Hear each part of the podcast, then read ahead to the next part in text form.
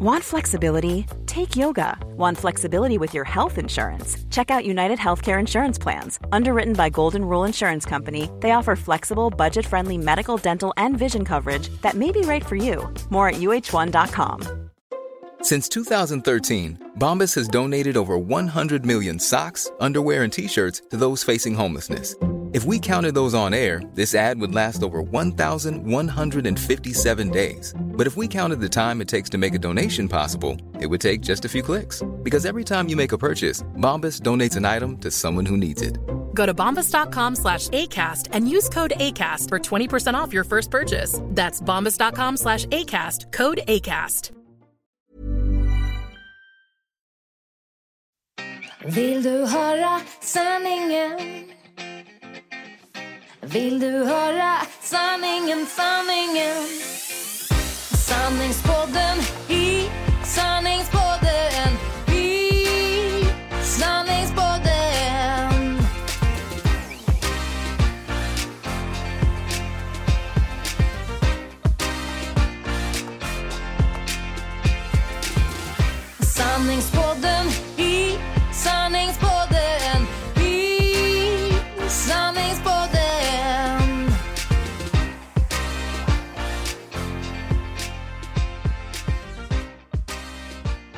Eh, hjärtligt välkomna till Sanningspodden! Becky!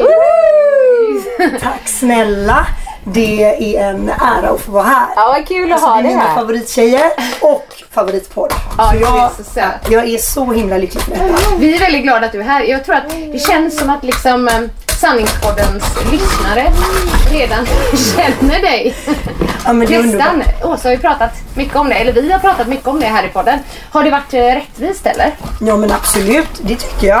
Eh, det har ju varit lite liksom mer den här eh, Beckys eh, busiga sida. Ja. Med eh, livsbejakeriet. Ja. Och det älskar jag. Det kommer vi prata mycket om.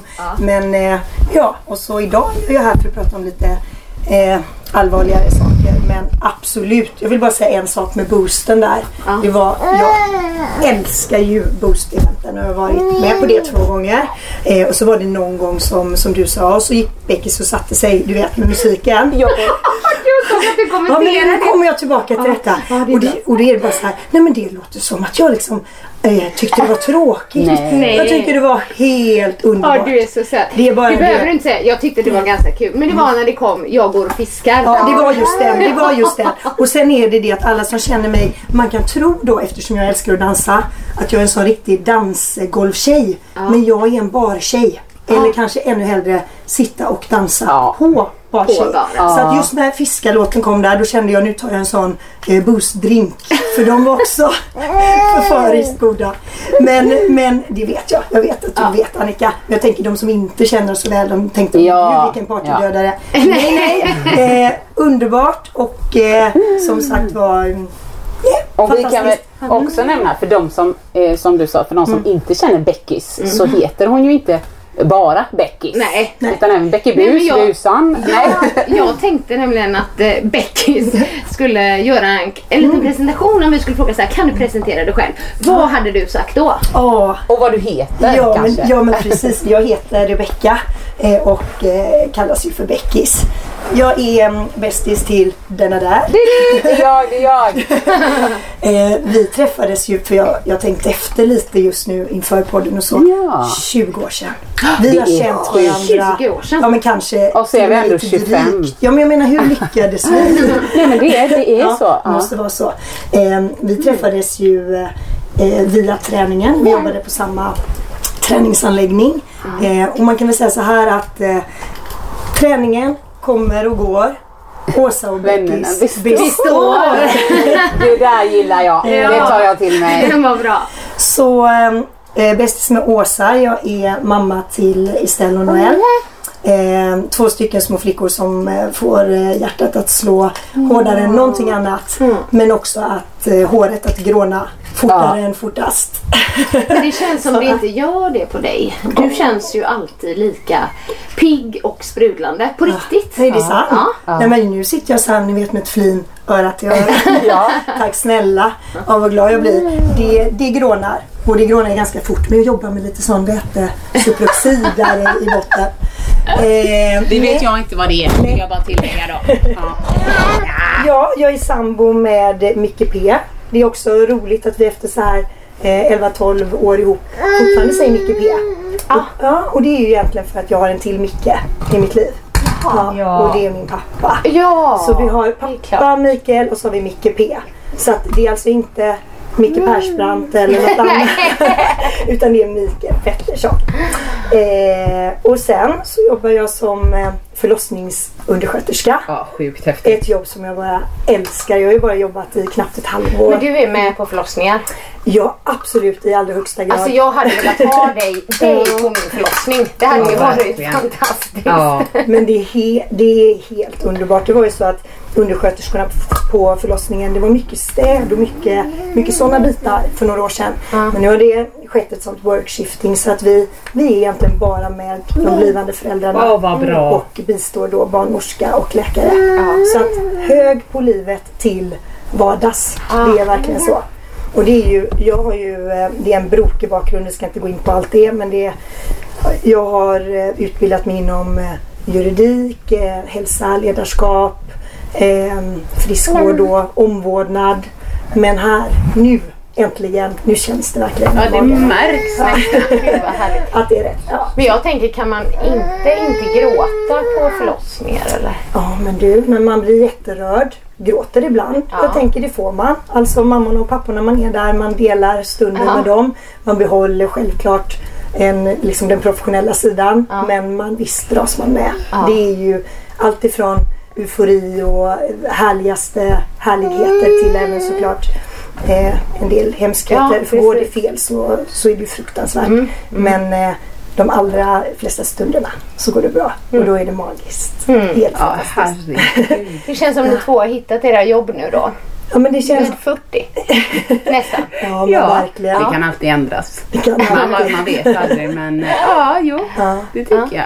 Men jag bestämde mig, det har ju varit jättebrokigt. eh, Men eh, när jag födde Estelle, det är ju eh, min äldsta dotter. Då visste jag, det är barnmorska. Ja, det För jag tänkte så här, hur ska jag få den här kicken liksom utan att eh, föda barn hela tiden precis. själv. Det blir lite jobbigt. Ja, men så tänkte jag att då, då, det måste ju vara fantastiskt att vara barnmorska. Ja. Så det är det som är min, eh, mitt mål. Ja. Så att eh, resan är påbörjad. Och, och hur, lång, hur lång, är det fem år? Den är helt så här, man är läkare. Nej, man är sjuksköterska först. Ja. Så det var ju, det har jag ju pluggat och är nästan klar med den biten. Ja. Vi kommer ju återkomma till vad som hände sen. Eh, och sen så jobbar man som syrra i ett år. Och sen så kan man läsa till barnmorska. Och då tror jag det är två år till. Ja, okej. Ett och ett halvt eller två år till. Men totalt så blir det väl ja, fyra år någonting sånt. Mm. Men det är ju också kanske världens viktigaste och häftigaste jobb. Ja. Verkligen. Ja, nej men ehm, så sammanfattar bästis till Åsa, mamma till Noel och Estelle, sambo till Micke P, eh, undersköterska och så livsnjutare måste jag ju säga. Ja, det är som ja. att vi sitter här nu med kaffe och, Och jag lägger- kommer med Ma- Macron. Macron. Precis. Ni skickar några blåbär ska jag ge till Jag henne. tänkte, hon vill inte ha Macron. Det får hon tyvärr Nej. inte. Men jag måste ju lägga till en grej på Beckys lista. Ja. Ja. Ja. Fashionista. Ja, åh Oh, gud ja. Alltså, Gud, det, jag, ja. det Ja, kan ju inte inte säga det. Nej men sköna ner men jag älskar kläder och mode och jag eh, Ja men jag tycker väl så här att det som eh, man kan maxa, varför ska man inte maxa det? Ja, Så more att, is kan man ta på sig en eh, tyllkjol till vardags, do it. Kan man dricka ett glas bubbel eller två Annika? Ja, high five på den. Vad snabb hon Ja, var. ja, ja, ja. Oh, ja, nej, nej. Eh, nej så att det gillar jag. Men även vill jag tillägga, för när jag träffar Beckis. Nu Alltså kommer jag, hon med alla till. Ja, vad är det här? nej men jag har alltid med min pappa ända sen, ja, jag minns inte. Så att på lördagarna så åker man till ICA Maxi på Mölndalsvägen och så handlar man liksom och ja, det har varit mysigt. Och sen eh, några gånger per år så åker man till Ullared. Och så får man så här, alltså, men, nu, du får handla på 300 kronor eller du får handla för, alltså, fick man Du gjorde det med din pappa? Ja, ja hela familjen. Mm. Mm. Nu ska Nalla få blåbär här. Mm. Och jag var görnöjd med det. Mm. Men det som är roligt med Beckys sån här fashionista eh, tarm, höll jag på att säga, Mm. liksom nerv, lite fingertoppskänsla, är att hon gillar ju stilar.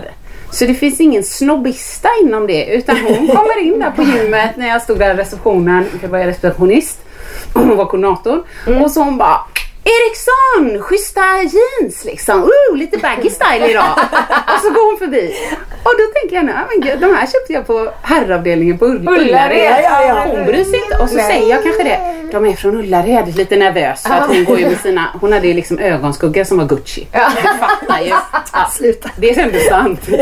Men, och, då, och då så säger hon bara, grymma. Då tänkte jag, Nej, wow. men det är om man får klämma in en sån litet liksom, stiltips om vem jag som ger dem. Men nu när vi pratar mode. Just blanda hej vilt. Ja. Gå på detta att du tar liksom den där lilla lyxiga kjolen ihop med eh, älsklingstishan till ett par sneakers. Ja, Ja, exakt. ja, ja. Finns ingenting med vad ska det vara för märken och sånt Nej, tjafs. nej. Utan du tar det du gillar Ja. och så sätter du upp det till din unika stil. Jag kör aldrig på vad som är modernt. Ibland har man ju tur att liksom eh, så pricka in det. Mm. Men jag går på vad gillar jag? Hur kan jag kombinera det? Billigt, dyrt, gammalt, nytt. Det är Så, roligt. Gud, vad Det härligt. tycker jag. Ja. Det är, Så känner jag ju inte med champagne. nej det håller jag med dig om. jag tänkte på det med bubbel här. För att eh, Becky skrattade så mycket åt mig när det var. Åsas baby shower. Då ville jag hade fått upp det och köpa rosa bubbel. Ja. Och jag bara ville så här, nästan ursäkta mig för att eh, bubblet var lite sött. Ja. För det Ja. var liksom ingen, Och då kan man ändå säga att jag var ju jättenöjd.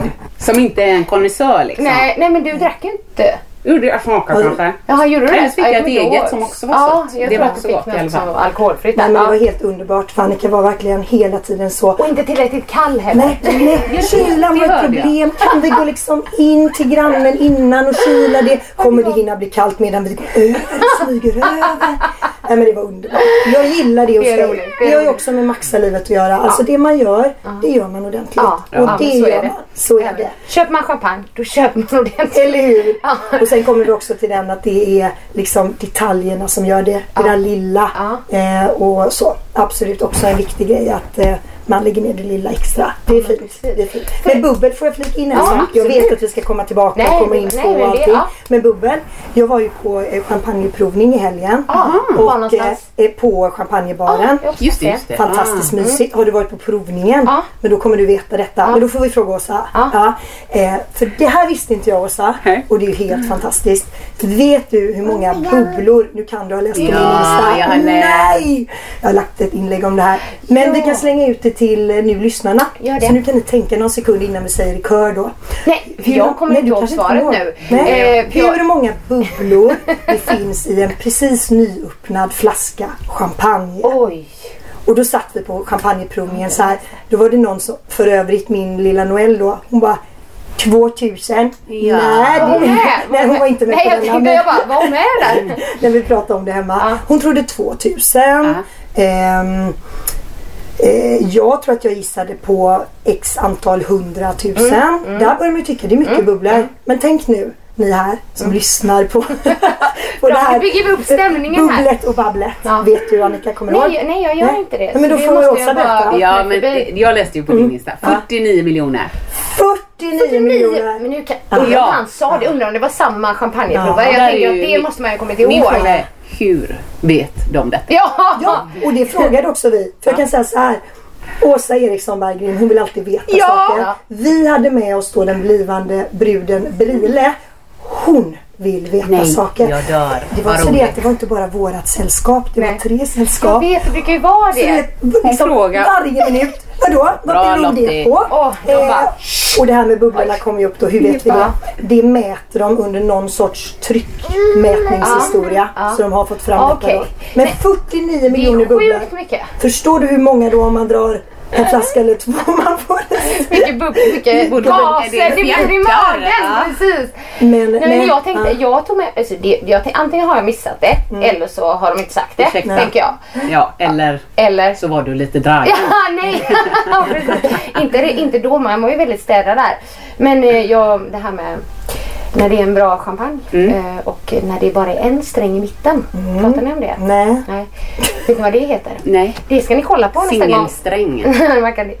Eh, necklace heter det. Åh, det är som. Halsband. Så, kan, ja, så kan du säga det så här, ja det här är en necklace. Och då är det ofta lite bättre champagnesorter. För annars så bubblar det hela glaset. Men då är det som en i mitten. Så här. Vad roligt. Ja, nu blir jag lite sugen på att hälla upp någon Ja, och se om det är bra eller inte. Nej men bra och bra men alltså det är lite finare Lite champagne finare, ofta. Eh, apropå det så måste jag berätta det här och jag vet inte, jag är inte lika bra som Åsa att berätta i bilder alltid. Men nu sitter ju ni här framför du mig. Ja. Nej men, du, men Mikael är ju inte en champagnekonnässör. Nej. Nej, eh, och det är inte jag heller men kanske lite mer än honom. Ja, så kan det Så. vara. Och jag berättade ju det att vi inte hade ätit middag innan, det var ingen bra grej. Just liksom. det, ja. Men och att det satt ett annat sällskap där framför också. Och då när man skulle liksom lukta på champagnen så sa i alla fall den som vi hade Mm. att man dels gärna fick ta det långt ifrån och lite närmre och sådär. Liksom, så man skulle blanda lite så fick man in doften bäst. Och sen skulle man även liksom gå från ena näsborren till andra så här. Liksom. Oj, Ja. vad avancerat. Ja, vi, hade mer, vi hade faktiskt bara, jätteparentes, men var inte rädda att få ner näsan ordentligt. Okej. Vi Okej, skulle det ner med ja. nosen där. Ja, visst.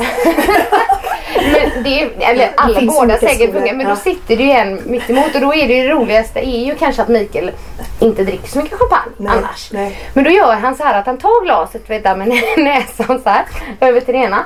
Sen tar han glaset i ena mungipan och bara så Nej. här, fast han gjorde inte det på ett skämt utan han bara, det var så man skulle göra. Så sitter en, en kvinna mitt emot honom hon bara, hon bara glor på honom. Här, Vad håller han på med? Och tänkte han, han liksom också så här, Men han hon trodde det? Typ, nej men det blev bara fel. typ att hon tänkte så här, det man kanske ska göra så. Men han bara så lite. Han den unge snygge killen gör så. Bäst jag gör det också. Jag har inte fattat. Ja, men det var mycket med teknik. Man skulle ta en lite för stor klunk. För ofta liksom håller man i glaset och kanske små sippar. För det är det man är, är van vid. Är det Här sant? ska man ta liksom en ganska så rejäl klunk. Ja. Gurgla. Gurgla också. Det är lite jobbigt. Runt Jag det i munnen och så, så känna smakerna. Okej. Och där hade Bril också en mycket följdfrågor om just det här. Hur vet man att det är citrus? Hur vet man att det är röda bär? Vem säger att ett rött bär för mig smakar som ett rött bär för oj, dig? Så man kan säga att det är ju en, en sån nästan existentiell fråga. ja. Liksom, vem har bestämt Tyckte han att hon var jobbig? rött? Nej men jag tror att han tyckte att vi var väldigt härliga. Ja. Ja, ja, men det Nej, var ju bra. Nej men just kanske Hur såg an- han ut? Ehm, lång. Med lite långt hår, lockigt. Du är alltid så utfixerad Annika. Ja, jag verkligen. Nej, nej Jag minns då var det inte, inte det han. kan det vara var inte han. Albin, inte Ja, helt Nej, det var inte han då. Det var den samma.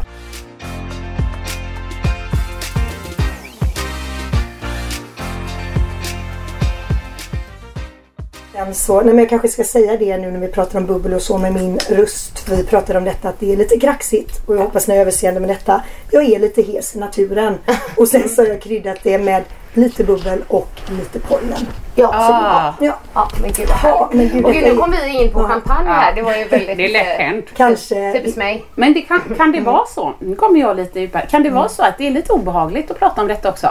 Så det är skönt när det är, liksom- Oj nu ska jag bara flika in och nu ska jag, jag känner själv så, det här vill jag egentligen inte prata om men jag vill ju det för det är Ja. viktigt. Och det är sanningspodden. Och vi har ju bett Beckis komma hit för vi har många som dels för, som lyssnar då men som dels följer dig men som eh, också tyckte det var intressant och kanske om du kunde komma hit och du vet, berätta. Men jag vet inte riktigt, var ska vi börja? Ja, men Man får börja vi? En, eh, överhuvudtaget och, och berätta nu vad det är som vi, vi pratar om nu för det kanske är några som inte vet Exakt. eller hur. Det är ju att Noel, eh, min minsting, eh, har haft cancer och eh, sedan en månad tillbaka är Ja. ehm, färdigbehandlad. Eh, så då sa vi att, eh, eller jag fick frågan ifrån er att komma hit och berätta. Och det, det gör jag så gärna men det är klart det blir ju, nu blir det lite så tvära kast ifrån eh, champagne och fnitter till detta. Men jag, men jag kan nästan sammanfatta att det är det som faktiskt är, som har varit livet under senaste året men också nu efter. Att det, det är glatt och härligt inemellan. För så är det. Eh, och sen så är det eh, tungt såklart inemellan. Och under senaste åren har det ju varit mycket utav det. Nu är det det att lilla Nandis är också med. Så att hon behöver ha lite space här. Hon är lite gnällig för att Får få jag, in får jag kolla på Babblarna? Om du vill. Ja, men vi, jag tänkte så här, vi tar det från början. Ja. För det här är ju en situation som ingen som upplevt det kan sätta sig in i på, på, på riktigt. Nej. Men jag tänker att vi tar det lite från början. om Man ska vara lite pedagogiska här. Det är nog bra. Hur hela, liksom, ja men livet förändrades. Ja, och hur Eh, vill du hur ni hur upptäckte- upptäckte ja, det? Okej, precis. absolut. Och jag kan berätta och så lova att ni eh, ja, men lägger in små inlägg och Ja. följer upp med frågor. och så. Såklart. Bara och... Ja, det gör vi. Men det, det började den eh, 6 eh, oktober 2015. Och då kan man tänka sig, kommer man ihåg datum och så? Man kommer Ja. ihåg precis. Då hade jag varit, för jag har ju då pluggat till sjuksköterska. Och jag hade varit på praktik i Kungälv och ni vet haft en sån mastodontdag och bara längtade hem. Eh, och kommer hem och Noelle är superpigg och hon springer omkring. Det var en sån sen sommardag ju. Så hon sprang omkring i, i trosor och, eh, och skrattade och mamma var där och passade. Och så sa mamma att det är så konstigt för eh, i ljumsken så har hon, men det är som en stor knöl. Va? Tänkte jag var konstigt. Så kände jag och då hade hon ju en stor lymfkörtel i ena ljumsken.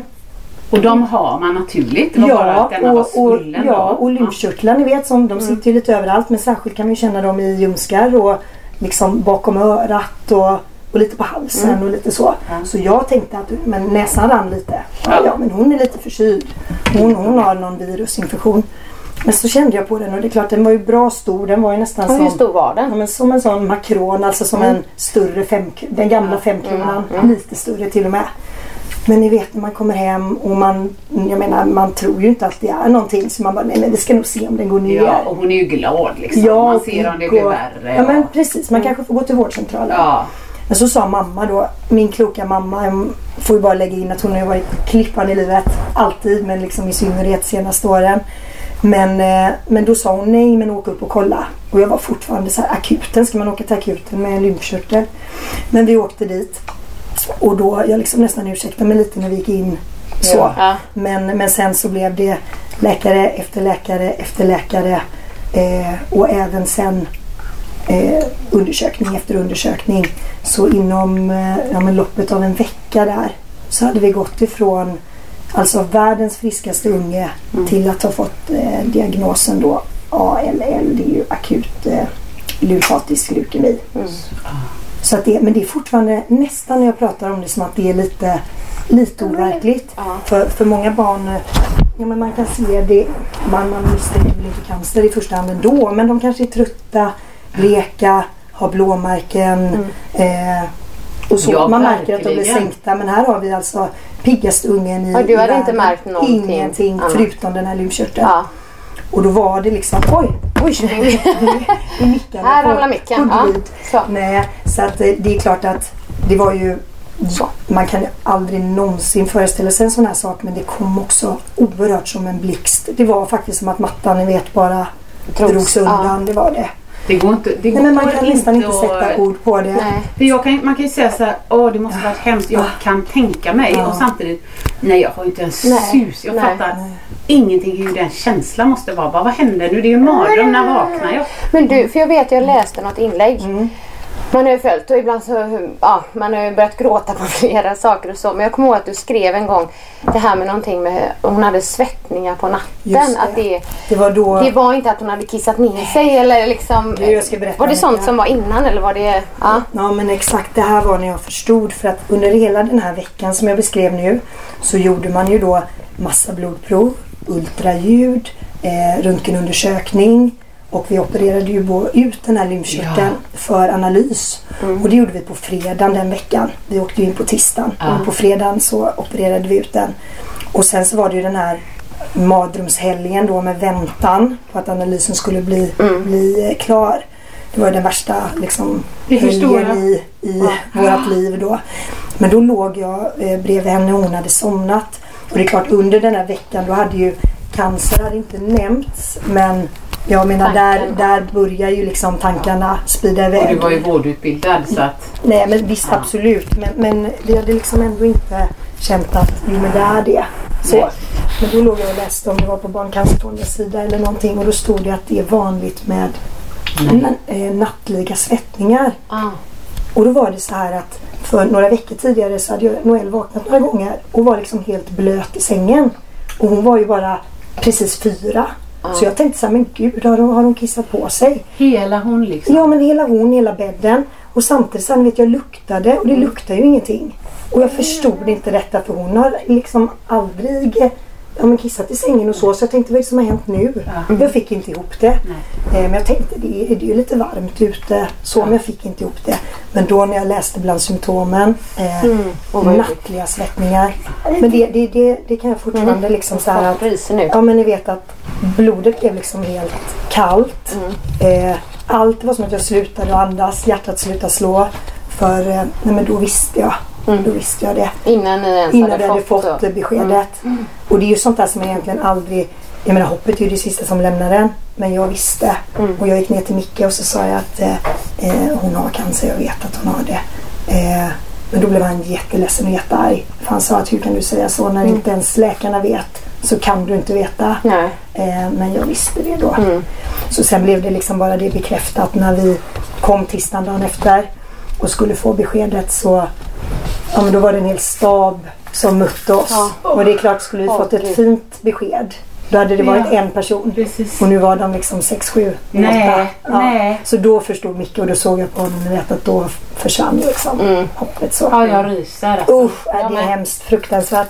Och då sen, sen är det så galet för då går det pang, pang, pang. Vi fick inte ens åka hem däremellan. Utan direkt upp på barncanceravdelningen. Hon skulle få en CVK, det är ju en infart för att man ska kunna ta mycket prover och ge cytostatika intravenöst. En infart i hjärtat va? Ja men det är det ju liksom, den, den utmynnar ju i ett utav hjärtats kärl eller i de största liksom eh, eh, blodådrorna. Eh, där mynningen är så att jag menar det är bara så här en sån operation det hade jag ju sett på riktigt gamla människor, riktigt sjuka när jag gjorde min praktik i Kungälv. Och liksom CVK, det sköter man inte hur som helst. Det är speciella liksom rutiner kring det. Och då ska hon helt plötsligt få en sån inopererad. Det ska gå liksom pang, pang, pang. Hon ska liksom då deskutan skrubbas in med den, upp. Alltså allt gick väldigt, väldigt fort. Vilket det måste göra för att de där dagarna är ju såklart jätteviktiga i början. Att man börjar behandla då. Då var hon fyra år. Då precis som fyllde i september så hon hade precis fyllt fyra. Ja. Ja. Men, vad, så vad, ja, men tänkte, man kan inte fråga vad hon Nej, sa. nej. Men vad förstod hon då? Liksom?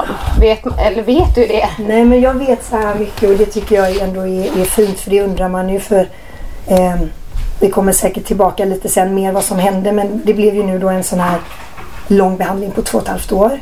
Och när vi har pratat om det i efterhand så eh, men hon pratar inte så mycket om liksom, sjukhus, sövningar, eh, blodprover utan hon pratar mer om att vi var mycket tillsammans, mormor var mycket med, vi har pysslat. Kommer du ihåg när vi gjorde det?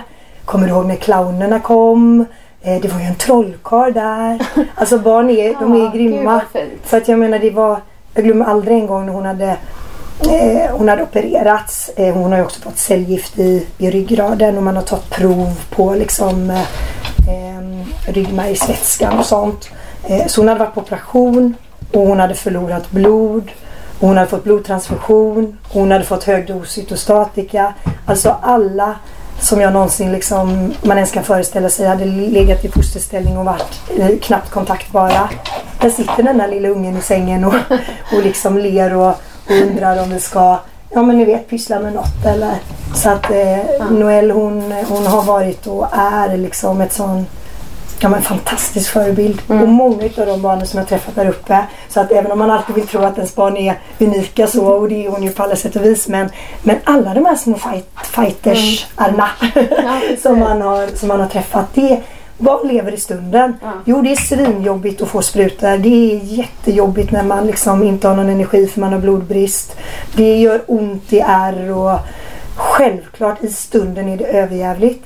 Men nästa stund när Åsa kommer och hälsar på eller när morfar kommer med liksom fika eller så. Då, då älskar hon det. Ja. För det, för det var ju min grej sådär att tänk om hon får sina första minnen. Att de är hemska. Ja. Men jag tror inte det. Nej. Nej. Och jag tänkte hon är sin mam- mammas dotter. Känns, ja men verkligen. Hon är en liten, en, eh, liten Piggelina.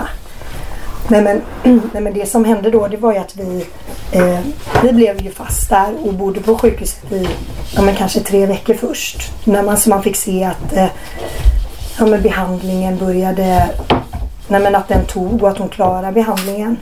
För det som är är ju att det är ju en, en jättetuff behandling och särskilt i början. Så, så att, eh, men eh, det gick så väl som det kunde gå. Jag vill flika in en fråga. Får flika men in hur mycket du vill. Eh, säg om det behövs. Och sen sitter lite på golvet här med nallen och gå in och så. Men jag undrar, jag kan ju ibland ha svårt att sova på nätterna i allmänhet för jag är en orolig själv. Jag oroar mig för allt. Kunde du ens sova eller går man in i ett tillstånd där man inte sover? Eh, första tiden då behöver man eh, eh, då behöver man inte sova, man behöver inte äta. Alltså alla naturliga saker försvinner för då är man i någon sån överlevnadsmood. Ja. Eh, så första tiden på sjukhuset, jag menar jag kunde slumra någon timme och så var de inne och gjorde något med henne. Och så kanske man somnade någon halvtimme och sen var det något annat. Sen kom en ångestattack. Så varade den liksom i x antal timmar. Så att i början då är det så här, då ska man bara överleva. Då är det så mycket adrenalinpåslag så att man, man, man sover inte och man äter inte och liksom och det, så är det i början. Men sen är det det där sjuka då att det blir någon sorts eh, till slut vardag. Och då, då börjar man igen att sova och äta och liksom. man, men så man liksom först överleva, se att behandlingen ändå tar. Och sen så kommer man till det att man ska faktiskt eh, liksom, det är som en eh, att tiden står på vänt brukar jag säga. Men samtidigt så kan ju inte tiden stå på vänt. Nej. För den fortgår ju. Så man måste liksom hitta ett sätt att leva trots att den är pausad. Ja precis. För hur- när, om man säger så, du sa ju att du förstod egentligen innan då. När du läste om det här med svettningarna och sådär. Men när tar man, alltså när, när kunde du förstå det på riktigt? Och Alltså verkligen få ta frågan? det till mig. Ja. Eh, för man hamnar ju då i en sån förnekelsefas. Jag ska inte säga man, för det är ju bara jag. Men jag säger vad jag och säkert en del gör också. Eh, då när de sa att hon har cancer eh, så var ju nästa fråga då men vad då? Hur länge då? Och då tänkte jag så här, okej vi kanske kommer ha det jättejobbigt nu i, vad kan det vara, några månader, ett halvår. Och då kom ju nästa käftsmäll och det var ju då svaret två och ett halvt år i behandlingen. Ja. Och då vet jag att jag sa så här. Jaha, alltså vet nästan småskrattade lite. Åh fy vad hemskt det Det kanske det tar för vissa men, men, nej, men det gör det nog inte här. Nej. Och de bara Rebecka, alltså behandlingen är två och ett halvt år. Ja. Det kommer ta två och ett halvt år. Och då vet jag att jag bara det var så många sådana saker. Noel såg en bild på en, eh, en flicka liksom med kalt huvud och sond.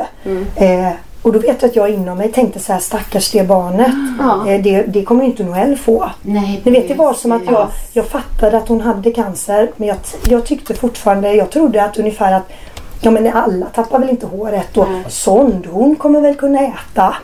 Eh, och som sagt var två och ett halvt år, för oss tar det nog bara ett halvår. Ja, ja. Så jag var lite i en sån fas. Men sen så, allt det där ni vet. Eh, men det mognar väl eller kommer successivt. När vi hade varit igång sen några veckor så tror jag att det hade sjunkit in. Och jag hade förstått. Det är också det här det samlar ju på ett sånt supersnöre som ni har sett. Det är ju alltså att man får små pärlor för varje del i behandlingen. Och då vet jag att vi såg också en bild på det där pärlhandsbandet. Och då fångade liksom en sjuk eh, sköterska upp Noels sån här undrande blick när hon såg det här halsbandet. Och så sa hon att men du kommer också få ett sånt. Och inombords, jag var så arg. Jag tänkte så här, hur fan, ursäkta mig, kan man säga så? Hon ska inte ha något jävla halsband liksom. Och sen så visade det sig att det här halsbandet med, alltså att man får den här fina pärlan för varje del i behandlingen. Det har ju varit jättebra. Ja. Hon har väl haft med det på skolan och berättat liksom. Här sov jag och här fick jag snurrmedicin och här fick jag cytostatika, här fick jag blod. Ja. Det är fantastiskt. Och man får ju tidsman. Men jag kan tänka mig att hon kan Ja. få en tidsuppfattning. Precis att det här, vi har hållit på. Ja, och liksom i början gjorde jag det. Ja. Och i början var det massa olika pärlor. Och nu mot slutet var det bara inom situationstecken cytostatika i tablett. Alltså att hon också såg Ah. att det blev Färre liksom och färre bättre olika- Mm. och färre olika moment. Och, men just när den eh, sjuksyrran sa det. Så tänkte jag så här, hur kan du stå och säga något sånt elakt? Ja. Och det var egentligen inget elakt, Nej. det var ju bara snällt. Ja. Men eh, nej, så jag, nej, men det mognade nog fram eh, eh, några veckor efter. När det värsta, eller värsta ska jag inte säga, men det chocken hade lagt sig. Och jag minns när jag ringde Åsa, jag ringde Åsa och jag ringde förskolan Ja. och berättade. Det var egentligen de två, för ja, mamma var ju med och pappa var ju med och så. Men du vet, det var så här. Nej, det var men, helt... nej, men ja, jag vet inte ens om du minns. Jo, jag minns precis. Jag stod Ja. i sovrummet Ja. uppe vid balkongen. Och jag minns att jag, jag blev nästan arg på mig själv. Jag blev så chockad. Så att jag sa Beckis, det här, eh, jag vet inte vad jag sa, men jag sa det här händer nog inte. Eller jag sa, Nej. först sa jag något dumt. Eller det här blir nog bra. Ja, och eller, sen bara det här, vården är bra. Och sen var jag så här, hur kan du ta emot en sån här vidrig nyhet och inte liksom bryta ihop eller gråta eller skrika? Hur kan du stå här och ha mage att bara liksom prata och säga det här blir bra och du, det kommer, oj och liksom. Jag var jätteupprörd på, eh, ja men lite grann som man pratar om, hur ska man reagera egentligen? Men jag bara minns att jag, det blev iskallt liksom när hon sa det. För först, jag hade lust att säga till henne att hon hade ju fel. Ja. Jag älskar dig och Nej, så. det stämmer Ja, inte. men Nej, nej. denna gången har du liksom. Ja, Nej, helt. Hon har kan- Nej, nej. nej. Det visste jag. jag ville nog bara inte ha det samtidigt. Där tänker inte jag. Ring någon annan. Alltså inte så, det är klart du kan ringa mig men jag ville, det där är fel. Men det är också, det är ju, du fick ju också ett chockbesked.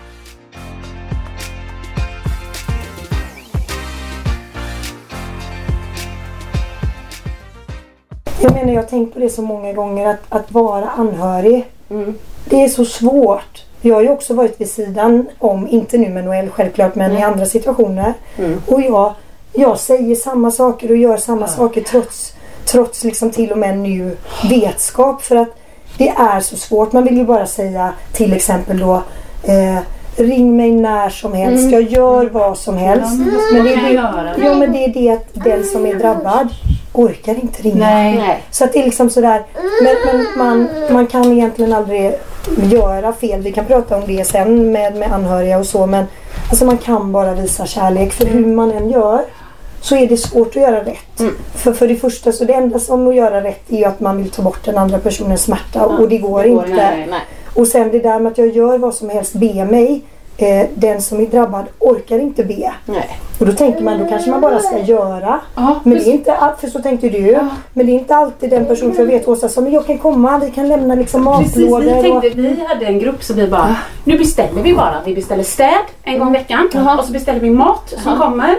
Och sen Beckis bara, nej, nej liksom. Eller, Nej, liksom, för då var det bara så att när jag väl var hemma Då ville jag liksom inte egentligen träffa någon eller Nej. prata med någon och Nej. få dit någon städa. Nej, nej, nej. Precis. Alltså du vet, det är inte, svårt, det är inte lätt. Nej, det förstår jag. Nej, ja. Men jag tänker hur liksom, gud jag sitter här och har typ tusen frågor. Ja. Men om man ska ta det lite från början. Ja. Hur såg liksom, om man säger första sjukdomsförloppet ut då? Och vad ert liv då liksom? Mm. Ja, hur det precis. blev? Noel var ju aldrig egentligen sjuk i cancer ju. För att hon hann ju inte bli det. Nej. För vi upptäckte ju det. Nej, nej, hon, hon hade ju cancer men vi hann aldrig se det här som vi pratade om. Att hon blev livlös och Nej. hade blåmärken och det. Utan det som gjorde henne sjuk sen, det var ju cellgifterna. Ja. Och så är det ju att man måste ju ge de här medicinerna för att få bort det.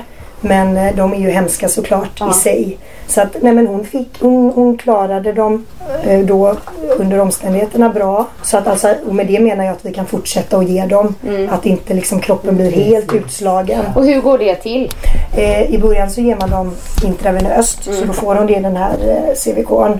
Och sen så finns det också sprutform. Hon fick ju mycket sprutor i eh, det, jag vet egentligen inte om det var cellgift eller ett läkemedel som liksom var kompis med cellgift. Men i alla fall starka mediciner. Eh, och då fick hon en eh, hög dos. Eh, om det var var tredje vecka i början. Som sen glesades ut. Och när man får den högdosen så är man på sjukhus ja, men tre till fem dagar. Och det kan vara längre också. Eh, och den är ju liksom en sån dödlig dos utav medicin. Så efter x antal timmar med den så ger man en antidot för att dra ner nivåerna i kroppen. Ja, okej. Så det är ju sådär, ni vet när ja, men verkligen är, gift, eh, dödande gift tickar in i ens lilla Nej. flicka. Men sen vet man ju att det är det som räddar. Så att, eh, nej men och, ja hon... Det Men be- berätta om det där. När, när den, du får upprepa om det inte hörs. Mm. Men när den dosen kommer in så ska skölja bort. Mm. Eh, är det inte så att dag som natt så måste du väcka henne och kissa? Jo, då är det det att den, den här, det är en hög dos utav metrotrexat som är en jättestark eh, cytostatika. Och varför man är på sjukhus då är dels ska man ju ge den här antidoten sen som tar bort effekten av medicinen efter x antal timmar. Och sen så är den ju eh, så stark så man måste ha övervakning.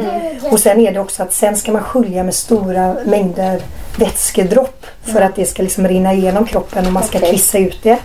Och då ska man kissa ut medicinen och så ska man kissa ut elackingar som vi sa, alltså cancerceller. Så vi sa det, vi kissar både ut guldmedicinen som vi kallar det. För kisset blir ju alldeles mörkgult. Och så kissar vi ut då fulingarna, cancercellerna. Det var en ganska bra bild för det visste väl. Men då, då måste man hela tiden mäta urinmängden och så tar man också pH på urinen för att se ja, att inte kroppen tar för mycket skada. Och det gjorde man ju dygnet runt då. Någon Så gång du på fick den. man väcka mitt i natten? Ja, Det var det Ja, då, ja, men då får man, ja, men då, så fort hon har somnat till. Åh älskling nu måste vi upp och kissa. Ja. För Noel var ju så ändå stor som inte hade blöjor. Annars kanske man kan liksom byta blöjorna när de fortfarande sover. Så Nelson och jag var ju verkligen så fort man hade somnat till. Ja då ska man upp och kissa igen. Så att det var ju liksom period på sjukhuset där som är helt galen. Ja. Nej, men, så att vi, men sen trappas det liksom ut med de intravenösa behandlingarna. Det är ju när man får det direkt i blodomloppet. Och sen eh, man kan väl säga att första året var liksom intensivt och vi hade då behandlingar eh, på sjukhus. Och så sen då Eh, de senaste ett och ett halvt åren då har det varit cytostatika i eh, tablettform. Så det, då ger man det varje dag hemma. Hon har ju haft den här sonden. Hon har fått både perioden hon inte har ätit och hon fått näring via sonden och sen så har hon fått alla mediciner via den. Så då har jag gett det på ja, morgon kväll. Men hur mycket bodde ni på sjuk? Alltså, Det var i perioder då Ja, i perioder. Första tiden då, om det var de första tre veckorna, då bodde vi där för att komma in i allt. Och se hur mår hon, kan hon ta till sig mediciner, blir liksom cancersjukdomen värre eller blir liksom cytostatikan för tuff för henne. En sån ni vet, hemsk period. Men sen var det vid högdostillfällena. Okej. Och sen så tog man ju prover kontinuerligt. Och sen så på slutet då så har man varit där ja, någon gång i veckan för sen varannan vecka för att ta blodstatus. För det är ju det att eh, cytostatikan eh, ja, men dödar ju cancerceller men också friska celler. Så de är Är det med, då man tappar hår? Och liksom? Ja men exakt. Så eh, håret tappar man. Slemhinnor blir sköra. En del får jättemycket munsår och sår liksom i hela svalg och mag och tarmkanal. Det har gått ganska bra för Noel med det. Eh, huden blir väldigt skör. Hon tappar till exempel huden på fingertoppar och eh, på tårna för att det liksom frasar sönder.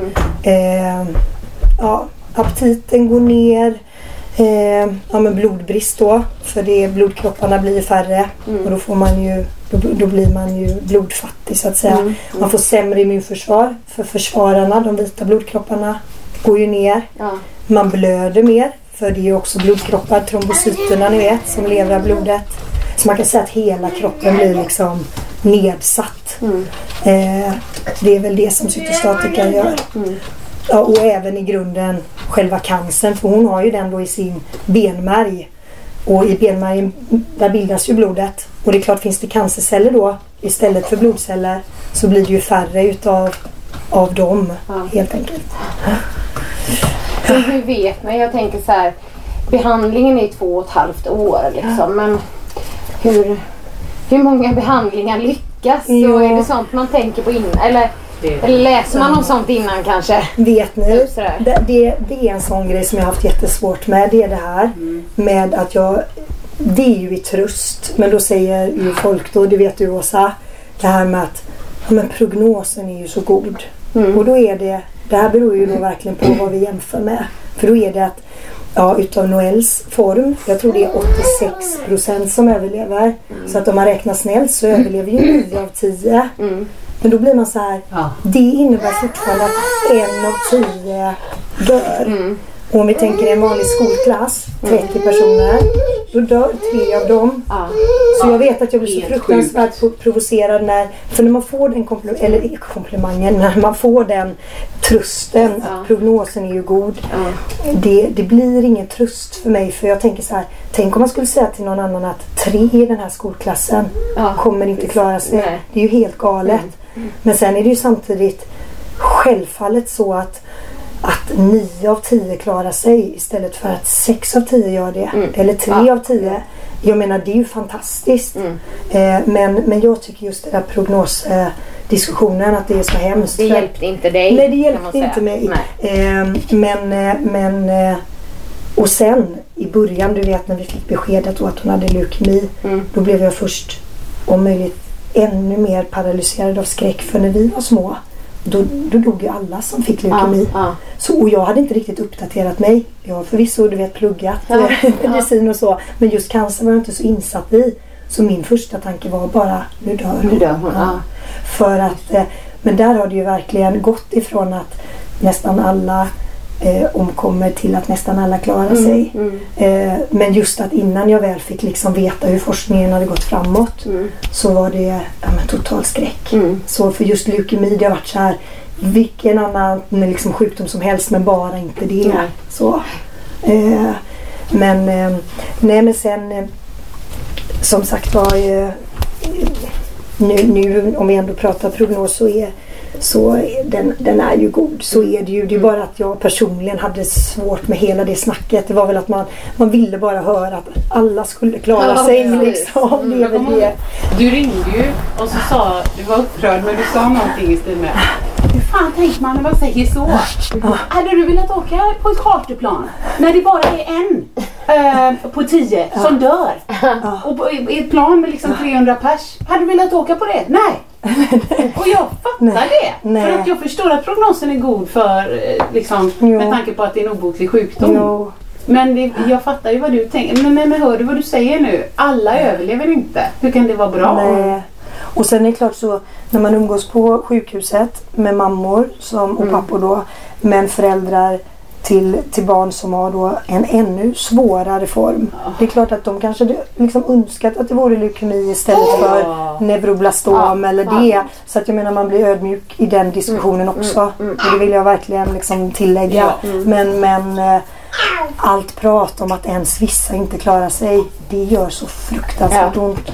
Och som när du frågade mig Åsa, om, om jag kan sova. Ja. Jag kan säga så här, jag kan sova nu. Men varje natt eller varje dag. Det går ju inte en dag att jag inte tänker på cancer. Det är ju, så är det ju. Men i början kunde det ju nästan vara liksom förlamande. Och tanken kunde fastna. Ja. Det gör den inte längre. Nej. Den kommer och så går den. Jag brukar säga att istället för att det är förgrunden så är det i bakgrunden.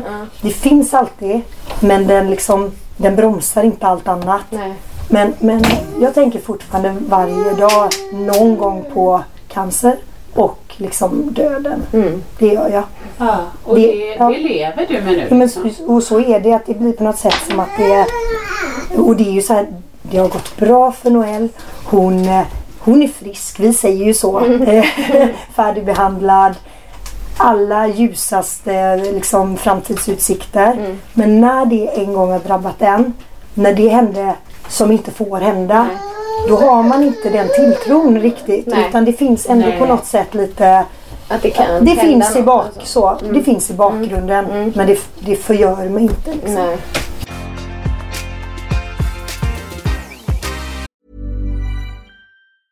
Hey, I'm Ryan Reynolds. Recently, I asked Mint Mobile's legal team if big wireless companies are allowed to raise prices due to inflation. They said yes. And then when I asked if raising prices technically violates those onerous two year contracts, they said, What the f are you talking about, you insane Hollywood ass? F- So to recap, we're cutting the price of Mint Unlimited from $30 a month to just $15 a month. Give it a try at mintmobile.com slash switch. $45 upfront for three months plus taxes and fees. Promo for new customers for limited time. Unlimited more than 40 gigabytes per month. Slows. Full terms at mintmobile.com. Introducing Wondersuite from Bluehost.com. Website creation is hard, but now with Bluehost, you can answer a few simple questions about your business and get a unique WordPress website or store right away. From there, you can customize your design, colors, and content. And Bluehost automatically helps you get found in search engines like Google and Bing. From step-by-step guidance to suggested plugins, Bluehost makes WordPress wonderful for everyone. Go to bluehost.com/wondersuite. Hey, I'm Ryan Reynolds. At Mint Mobile, we like to do the opposite of what Big Wireless does. They charge you a lot, we charge you a little. So naturally, when they announced they'd be raising their prices due to inflation, we decided to deflate our prices due to not hating you. That's right. We're cutting the price of Mint Unlimited from $30 a month to just $15 a month. Give it a try at mintmobile.com slash switch. $45 upfront for three months plus taxes and fees. Promo rate for new customers for limited time. Unlimited more than 40 gigabytes per month. Slows. Full terms at mintmobile.com.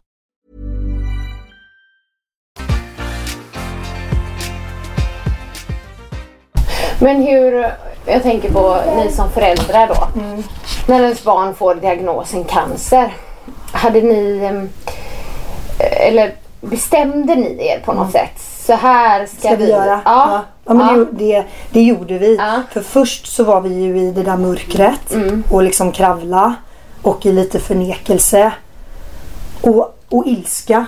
Jag var så fruktansvärt arg för jag tycker liksom att hela livet, alltså universum svek mig. Ja, ja. för jag har alltid tänkt så här att är man snäll och försöker man liksom göra gott, inte för att jag är någon sån här hel from härlig människa men försöker vara många andra. Nej, men försöker vara snäll och en fin med, medmänniska. Liksom, eh, gör man så så kommer det gå väl. Ja. Och då när man liksom får den här totala käftsmällen då tappar man liksom jag hade kanske en lite naiv tilltro på liksom livet och världen och så. Men den försvann. Och jag var så arg på att jag liksom hade berövats den. Ja, ja. För då var det så här allt det som var jag, så som du har varit snäll och, och sagt lite att ja, men du vet, lite glad och sprudlande och tycker saker är härligt. Det var som att allt det togs ifrån mig. Det var inte bara att mitt barn har fått liksom värsta sjukdomen utan allt det som var jag, det försvann ju. Men det, det var i början i liksom cancergyttjan där. Och sen efter när vi märkte att hon ändå svarade på behandlingar och så. Då, då gjorde vi ett statement och då sa vi att vi ska leva precis som vanligt. Ja. Och det går ju inte. Nej. Men vi ska göra liksom behandling för behandling. Mm. Men vi ska fortsätta och liksom i möjligast mån då bejaka härligheter. Mm. För tyvärr så blir det så att det är ju farligt för de här barnen då att utsättas för Ja men till viss del för mycket folk för att de är så infektionskänsliga. Precis. Så en del barn blir ganska isolerade. Mm. Vi vågade, vilket jag är så himla glad för, ta den risken att hon skulle åka på något Ja. för att fortsätta leva. Ja. För vi tänkte att blir det för mycket, bara vara sjukhus, bara vara hemma, eh, då går hon ju under liksom, psykiskt och socialt istället. Så vi har inte varit rädda på, liksom, för det utan vi har gått på bio och varit på liksom, köpcenter och haft fester, gått på fester. Sen är det självklart att vi har frågat folk liksom, Ja, är vi friska? Ja, är eh, självklart. Det går ju en linje, man får inte vara liksom Nej. dum. Nej.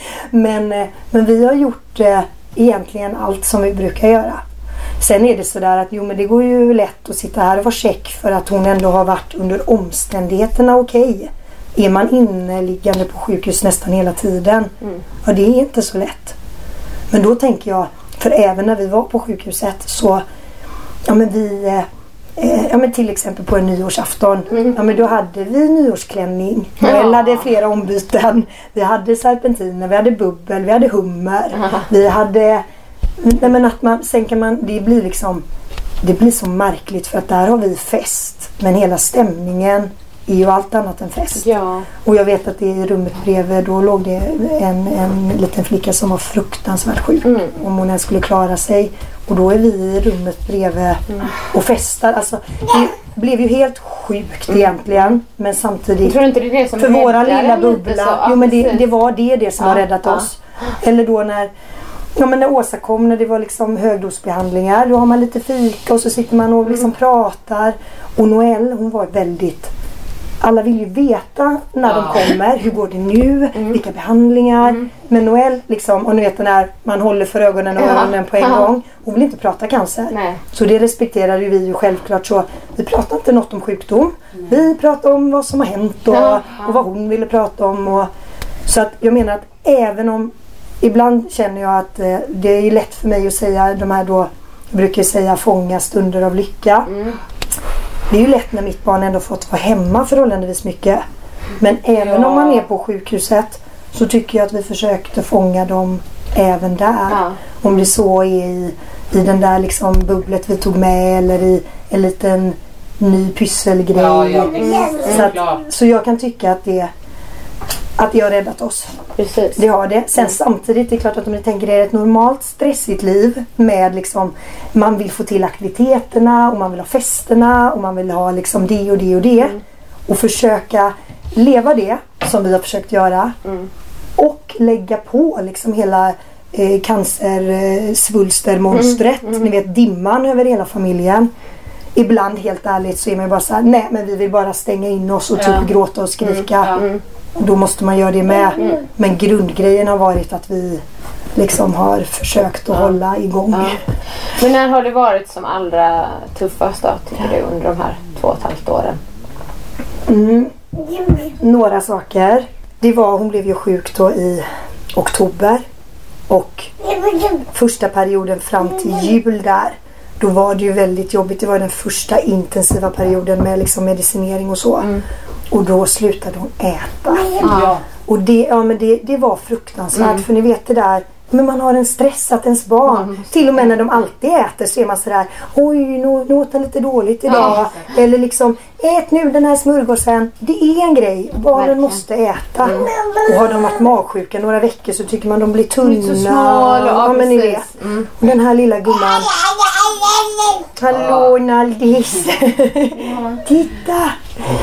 Ja, nej men, så- men hon slutade äta och det är klart då försvann den lilla kraften som fanns och hon blev väldigt väldigt smal. Och då minns jag ett tillfälle när hon låg i sjukhussängen. Eh, det var innan vi hade börjat med sondnäring. Och verkligen var, ja men du vet som att jag inte visste om hon skulle klara sig. Nej. Och jag menar det hon behövde där, hon behövde få näring. Så det var egentligen inte så dramatiskt som det låter. Nej. Men för mig, när hon var så dålig, ni vet hon hade tappat sitt hår, hon var jätteblek. Och hon dessutom inte nästan kunde röra sig för att hon var så orkeslös. Då, nej men då, det var fruktansvärt. Fruktansvärt. Och sen var det ganska svårt att få igång det här med sondnäringen. Eh, att vi fick koppla den till en droppump och ni vet att hon via sonden fick ner den här vällingliknande grejen. Att gå ifrån att ha ni vet en pigg fyraåring som älskar att äta allt till att hon ligger och äter inget för egen maskin utan bara får det här Nej, det- droppet liksom. Det var inte för så. Nej, det var hemskt. Och sen så har det varit hemskt när eh, de få gångerna som hon själv, för hon har ju varit så solig hela tiden. Men när hon själv har varit ni vet, uppgiven och ledsen. Ja. För även om jag säger att det har nästan inte funnits så många sådana stunder så har det ju funnits. Vad har hon sagt då? Ja men då kan det ha varit hon, i början drack hon ju välling. Och då fick hon inte dricka vällingen. Det, blev, det var ju innan då det här med sondnäringen. ja. Då skulle hon bli sövd mängder, mängder med gånger för då var det provtagningar och det var ni vet CVK, operationen och det. Och när man ska sövas så får man ju inte dricka på morgonen då. Då fick hon inte sin välling och då kunde hon liksom vara så hysteriskt ledsen över detta. Och det kan låta så här också av allt hemskt hon har varit med om. eh, En välling, jo men det var hennes trygghet Ja, och hennes morgonrutin. Och då blev det liksom så tydligt att allt bara är så jävla fel. Ja, och Men ni hon vet, får inte bestämma hon får inte, ens, hon får inte ens få en frukost för att hon ska till sjukhuset och så ska de söva henne och spruta liksom gift i ryggen. Alltså då, blir man, då blir man ledsen. Ja. Men utöver vällingen och korta sekvenser när hon typ, ja men de har stuckit henne och sånt. Så, eller hon har varit ledsen på nätterna när vi har liksom mätt urinen och då, när hon är uppgiven, då, Ja, då blir- då blir man. ja. Och så ska jag också nämna Nari Stell och stora syster. Ja. Vi pratar lite om henne sen. Men eh, eh, när hon har varit ledsen. Ja.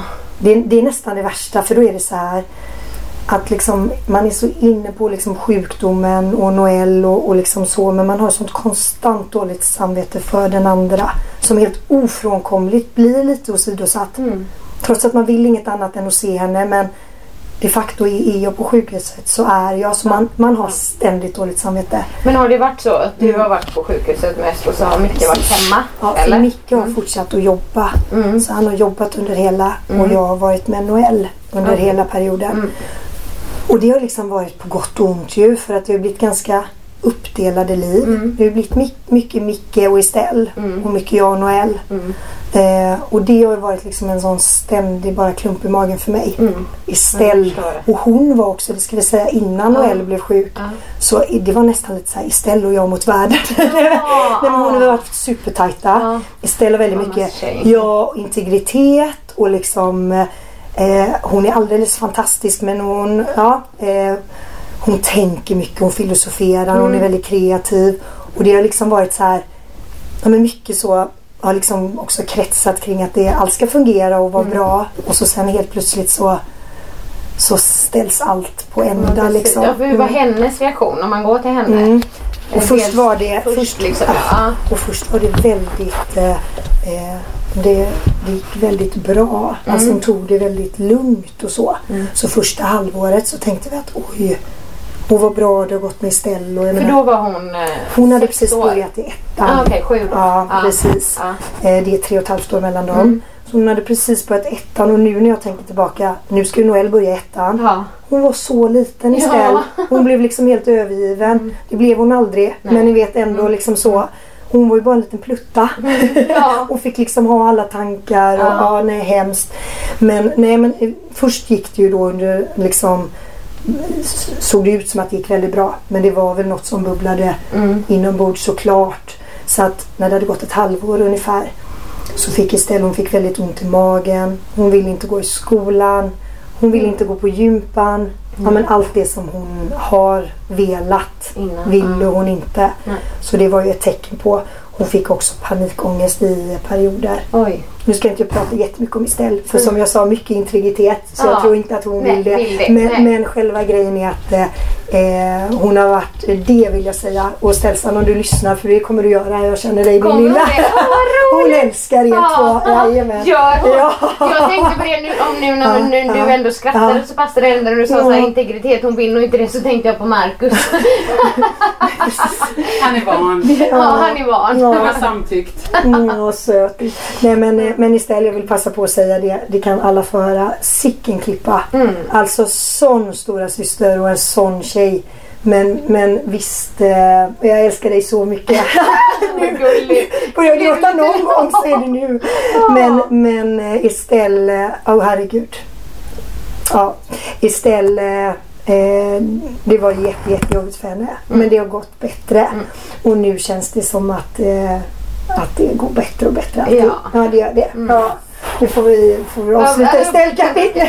Även om just eh, syskon tycker jag. Och det vill jag också säga om jag ska ge liksom något eh, men, tips med just det här med syskonen i och med att det helt ofrånkomligt blir att de får liksom, om jag kommer lite i skymundan.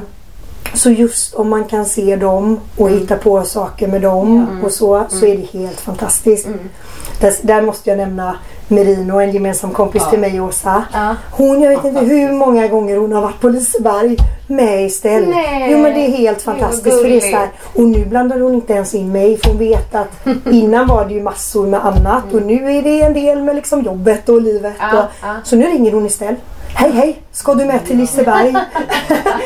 Hej, vill du sova över? Åh. Så att, eh, nej men så just eh, engagemang kring syskonet. Mm. För det är i mammahjärtat något som gör allra ondast. Det gör det, förstår jag. att man känner sig otillräcklig. Det, det är det. Det kan jag förstå. Ja, Och är det något du är så är det ju att du nu liksom Du inte är otillräcklig. du maxar ju på alla plan. Ja, fining. Nej men tack. Men det, det är väl just det. Just den där hur mycket man... Jag menar jag har varit väldigt medveten hela tiden om såklart varenda sekund tänkt på Estelle. Medveten om problematiken och att jag menar det, en del säger så här som något käckt råd. Glöm inte bort Estelle. tack. Ja, men hur, tack för hur någonsin skulle jag kunna? Nej, alltså jag tänker på henne varenda sekund när hon är med och när hon inte är med. Men, men faktum kvarstår ju fortfarande att jag och Noel till exempel har varit på sjukhuset och hon har varit hemma. Ja. Så att liksom fysiskt separerade Ja. och man är ändå, man är det inte i hjärtat men man blir ju ändå som Precis. får ett avstånd liksom. Jag vill fråga också, Ja. just när du säger så här, när man, när man inte hade tid för henne eller så. Då, då fattar man ju att man sätter ju sig själv i sista rummet. Har du hunnit, nu har det bara gått en månad. när tror du att du kommer, jag menar inte hinna med dig själv, åh jag ska gå till frissan och fixa naglarna, utan jag tänk, tänker att du, du har nästan under två och ett halvt års tid vant dig vid att Alltså prio sig själv med saker som inte är livsviktiga, de försvinner bara. Kommer de få komma tillbaka liksom? Nej men, men så, jag, så, som jag sa, jag vet inte om du hörde för du och Naldis kanske var på en liten tripp. Men just det där med att vi har försökt du vet leva på så hörde som jag. Ja, möjligt. ja. Så jag tycker ändå, jag har försökt någon gång sådär komma iväg till frissan. Någon gång få träffa er. Någon Ja. gång få, så jag tycker att jag liksom har fått små även ego-boostar. Ja, bra. Men det vardagliga, det där med att nej men, jag måste prioritera mig själv och min träning. Ja, det, nej, det det har ju inte Och nu, funnits. parentes, Liksom. jag menar inte just Beckis bara du när hinner du fixa naglarna och håret. nej, Jag menar just som du nej. säger, träffa väninnor Ja. bara, inte som behövs träffas. Nej, utan för att du känner för Och det. bara liksom- till exempel Gå ut få och komma hit för att man har till exempel åka till Åsa bara för att man har en liten stund över. ja, det har ju inte funnits. Nej. Men det hoppas jag ju kommer. Men, men det har ju varit så här, har det ju varit ärligt. Prio 1 och Noel. Prio 2 utan att egentligen sätta dem prio 1 och 2. Men det blir ju så då eh, Estelle, självklart. Ja. Och sen så får nästan komma, hålla ni vet vardagen igång. Med hämta, lämna, tvätta, städa. Städning är totalt jävla oviktigt för mig. Det, det är så. Men man måste ju ändå ha någonting att äta på och något att ta på sig. Liksom någon grundnivå. Och sen hålla liksom de där aktiviteterna som ja, men Estelle går på och Noel kanske kan komma iväg på. Och så sen liksom familj och vänner och sen får man själv Ja, för jag tänkte Nu fråga tänker det här med ja, relationen tänker jag.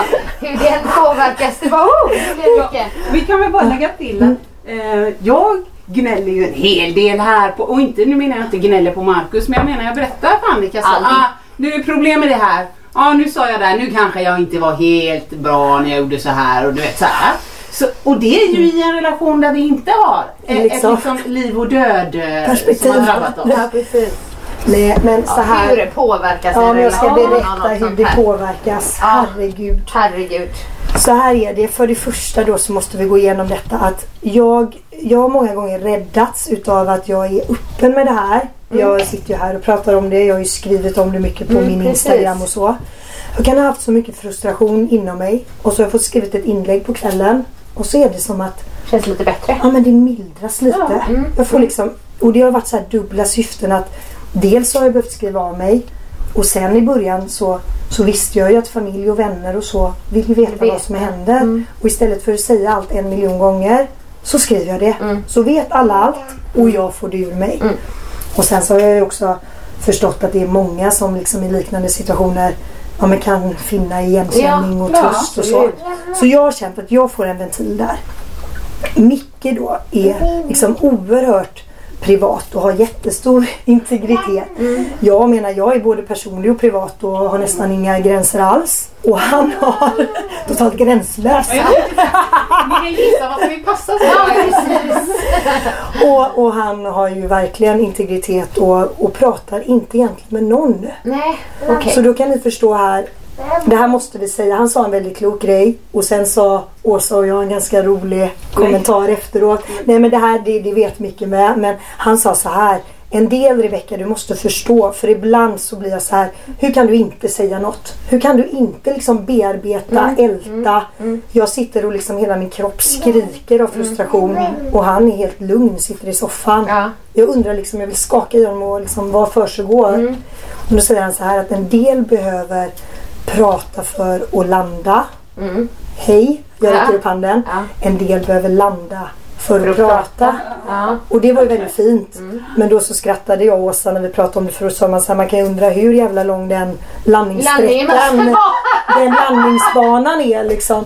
Nu har det gått två och ett halvt år och vi har fortfarande inte pratat. Jo, det, nej men så här. Vi har pratat massor med gånger självklart. Ja. Men just det här behovet utav att liksom gå igenom detaljer. Eh, scenarier på sjukhus. Han har liksom inte haft det. Nej. Han vill mer veta till exempel när vi kom hem så har det gått bra. Självklart, jag menar det är ju hans älskade dotter. Eh, liksom, han vill ju han såklart bryr sig lika mycket men han är mer sådär, är det okej? Eh, mår hon bra? Mm. Mår du bra? Men liksom inte älta och gå igenom. Och jag kan ju liksom Ja men du vet både ha mardrömmar om vissa Mm. saker och vilja diskutera sånt som inte ens har hänt. Det är ju inte han intresserad av överhuvudtaget. Han är ju oerhört liksom Ja, men en realist där. Nu har vi det här. Mm. Varför prata om det som kanske kan hända? För det kanske inte ens händer. Nej. Medan jag är att jag måste få prata om det. För då kan jag släppa det lite. Ja. Så att det här har inte varit helt lätt. Nej. Så är det ju. Och sen får man inte glömma att jag menar jag kommer från till exempel en högdosbehandling där man varit instängd på ett sjukhus. Det enda jag vill när jag kommer hem är liksom lägga mig i min säng. Bara liksom landa med familjen lite så. Han, åh nu kommer ni äntligen. Ska vi umgås? Ska vi liksom titta på film? Eller ska vi mysa? Eller... Och ni vet jag är bara helt som en sån utvriden Ja. trasa. Och där kan man ju förstå båda sidorna på ett Ja. sätt. Liksom, att, Ja. att man vill olika saker liksom. Så ganska ofta hamna, har vi hamnat i ofas. Mm, Men jag tycker ändå ibland så, så när vi har de, de bättre stunderna då säger vi att det är ju ändå grymt. Vi är här, vi har varit med om den Mm. Ja. största av prövningar. Precis. Mm. Och vi står ju ändå starka. Men det har inte varit lätt. Nej. Och det är inte lätt. Det är inte det. Och det är så mycket som kommer nu när det liksom är över. Det är inte över. För det är först nu som vi, som vi andas ut. Ja men precis. Det är liksom som att Micke och jag är nästan tröst, tröttast nu. Fast- Och det, det kan man ändå förstå. Är det ofta så när man, nu kan inte Ja. jag detta, men när man utsätts för något trauma av något Jo. slag, vilket man ändå måste säga att detta är absolut. Eh, Är det inte så först när det, risken är över eller så som bara- kroppen kan gå in i någon krisreaktion eller man själv kan bli sjuk eller Jo, något sånt? Nej, men det är ju som, som i början när jag sa att man till och med inte ens sover. Nej. Det klarar man. Ja. För man har så mycket adrenalin. Och under resten av behandlingen, även om vi inte har kunnat jobba med det påslaget hela tiden, så har vi ändå alltid haft lite påslag. För att man är så här, som jag sa, man fångar stunder av lycka. Ja. och man är på behandlingar. Och man försöker leka vardagsliv samtidigt. Ja. Så man är alltid igång. Men nu, hon är ju frisk. Och vi bara och det är kanske är första gången som man vågar släppa lite. Jag är så arg just nu. Och är på så dåligt humör. Och jag har så dålig ork. Alltså, Jag tycker nästan jag är sämst i skick nu. Ja. Och han är också jättetrött. Och vi bråkar massor nu. Jag berättade om en incident för Åsa bara häromdagen. När det liksom var stopp i eh, tvätt, handfatet. Och jag hade rensat det men sen inte fått ihop delarna rätt. Nej. Och han menar, hur fan kan du skruva isär något när du inte ens kan sätta ihop det? Och det är så här, då kan man ju tycka, ni bråkar om ett handfat när ni är canceröverlevare liksom. Ja, ja, men, men det är på något sätt som det är så mycket nu, minsta lilla motstånd så blir man arg, Mm. blir man arg, och trött. Ja, och trött. Och trött! Ja, herregud. Men jag tänker att ni ändå har gått och varit trötta i två och ett halvt år. Då, Så det är inte så konstigt nu. tänker jag. Och vi är lite taskiga mot varandra för vi tänker nog lite att nu ska vi ju vara... Nu ska vi vara glada. Ja, och det tänker nog, det är nog liksom att många tänker ungefär att ja, men nu är det över. Ja, alltså behandlingen är Mm. över. Vi ger inte henne medicin, vilket är fantastiskt. Ja. Men egentligen har ju liksom det nya eh, att våga liksom lita på, på livet och Mm. på att hon ska vara frisk och det har ju precis börjat. Men är man friskförklarad på riktigt efter fem år? Är det det? Eller tre Nej, men år? alltså eller de- vad, när, när liksom... Nej, men så här, tyvärr är det ju sådär snuskigt, inte snuskigt var ju helt fel ord men eh, fruktansvärt eh, hemskt med just liksom cancersjukdomen eh, sjukdomen att eh, man säger inte frisk utan man säger färdigbehandlad. Färdigbehandlad. Vi har sagt att det är bara för deppigt så vi säger frisk. Ja. Och vi säger Ja. frisk redan nu. Ja. Men det som kommer vara är att hon, nu går hon under kontroll varje månad. Faktiskt, det vet jag inte om jag har berättat. Men så var det så bra när vi var där för någon vecka sedan att de sa att vi inte behöver komma förrän i augusti. så vi ska vara två månader Oj, utan oj. Vad ska ni göra? Ska ni resa? Men egentligen så är det varje månad tills men hennes värden har stabiliserats. För kroppen har ju varit under sån påverkan nu och så mycket mediciner. Precis. Sen kollar man var tredje månad under ett år. Sen kollar man halvårsvis och sen kollar man årsvis. Och jag tror man håller på sådär i fem år. Jag vet inte Ja, exakt. nej, för jag, Nej, för jag det har en vän som hade bröstcancer. Där är det väl fem år? Ja, men ja, precis. Ja, För att liksom hon Mm. har blivit färdigbehandlad. Men just det här med eh, när man då får, får, kan säga När man säger frisk. friskförklarad Ja. kanske. Liksom. Det är ju samma sak jag tänkte på Pamela Andersson, eh, Toppelsa-redaktören. Hon Mm. har blivit friskförklarad men jag vet inte riktigt hur det... Nej, hur, må- hur lång tid? Nej. Ti- Tidsperspektivet. Nej, och som sagt var sjukhuspersonal och de säger, de pratar gärna om färdigbehandlad. Men, eh, men det är också sådär, du vet det med återfall. Jag är, där är jag lite så som vi pratade om innan med vill inte se, vill inte höra, vill inte tänka. För att det, det, det känns ju bara som eh, men man har varit liksom i, i helvetet och vänt och att det skulle kunna hända en gång till. Det är liksom bara för jobbigt att ens ta in. Så vi har nog ganska mycket jag vet ju exakt liksom vad det är för risker och sånt. För det har jag ju tagit reda på. Det vill ju till exempel Micke inte ens höra. Nej. För det har ju- Prognosen. Nej, eller? prognosen precis. Det vet jag. Men, men grejen är att... Eh, ehm, ja, och, nej, jag säger inte ens det. Men, men ehm, just att gå in i de tankarna där. Jag, blir- men då tror jag att jag själv kommer dö. alltså så hemskt är det. Och det så återigen, det är, nu har jag träffat eh, föräldrar som har varit med om detta. Och jag vet att de kämpar för att de har inget annat val. Nej. Men det känns som att det är, hur kan man överleva Ja, liksom? ja. Men, eh, Men så känner ju många med Inför er. själv, ja. Eller jag Ja. tänker med det som ni har varit med om också. och där är ju svaret man liksom? det som jag sa nu. Mm. Man gör det för man har inget annat val. Nej. Vet ni, det är så här, jag får ofta höra det. Hur kan man vara så stark? Eller Ja. hur, hur orkar man? Man har inget måste. annat val. Ja. Nej. Sen är det fortfarande ett val man får ta. Om man liksom ska isolera sig. Man kanske blir väldigt liksom nedstämd. Mm. Och det kanske inte ens är ett val. För att blir det så så blir det så. Ja. Men om man har pytte, pytte lite kraft och försöka göra de där du vet fånga lite stunder Ja, av glädje precis. och så. Så hjälper det ju. Mm. Men, men, men egentligen så är det inte att jag har varit så himla stark tror jag. Utan Nej. det är nog för att jag inte har haft något val. Nej.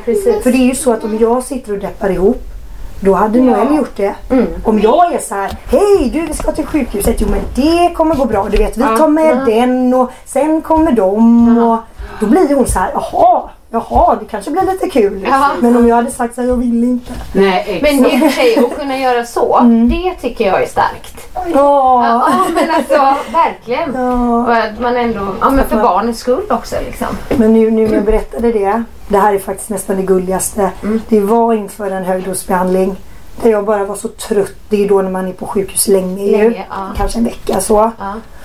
Och jag ville verkligen inte. Och jag, jag kunde inte klistra på smilet liksom. Så jag vet att tårarna rann. Och så sa lilla Noel då, men mamma varför gråter du? Ja. Och då så sa jag, men Noel jag orkar inte åka till sjukhuset. Så klappade hon på mig så sa hon, men du det är ju bara max en vecka. Åh, Och mamma såhär, du vet man går sönder. kloka lilla unge. Typ såhär, det kommer gå bra mamma. Mamma. Mamma. Han tröstar dig. Hon tröstar mig, min lilla fyra eller femåring tröstar mig liksom. Det säger mycket om vad hon är för någon bara liten. Det är ju bara max en vecka. Det är en vecka med liksom vara uppe hela nätterna och kissa och jobbig medicin och sövning och el, galenskap. Och hon bara, det är bara en vecka. Ja, men alltså, man kan ju tänka på det när, när Ebbe ska ta en spruta. Eh, då han får ju, men inte ångest är starkt ord, men han går ju och oroar sig lätt en eller två veckor innan. Och på själva dagen så har nästan jag lite ont i magen för jag vet eh, Att han tycker det är jobbigt. Och sticket går ju fort men han tycks jobbigt innan liksom och Ja. så.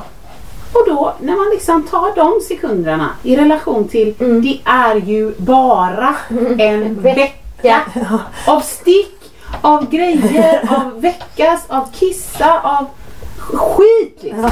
Nej. Herregud, det går Ja. inte att ta in. Men vet ni, man får så konstiga grejer med tidsperspektiv. Ja. För ändå, behandlingen är ju två och ett halvt år. Och jag vet ju när det bara var ett halvår kvar. Ja. Jag var ju sån här. Oj, oj, oj, det är snart bara- över. ja, Man, här, skulle man utifrån, du vet när man är frisk och säga så här. Ja men du Annika, alltså Kelvin nu, nu kommer han vara dålig ett halvår. Ja. Du var det bara sagt ett halvår? Åh herregud! Ja. Ett halvår, vad ska det? går inte. Du vet. Och jag var bara så här, nu är det över. Nu är det snart. nu är det snart över.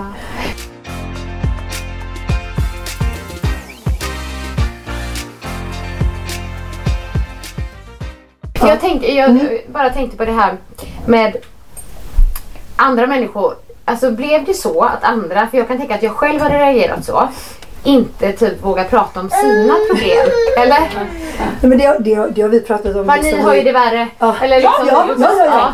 Nej, nej, men- Nej, jag, jag ska inte gnälla. Eller liksom. Nej men i tjejgänget, det, var, det, det tycker jag, det fick jag säga. Ja, hon fick säga Jag fick uttryckligen säga för att så här, det var ju ofta också att man ville prata med tjejkompisarna för att man ville höra om, om deras liv Mm. och lite Något annat, och liksom. lite så.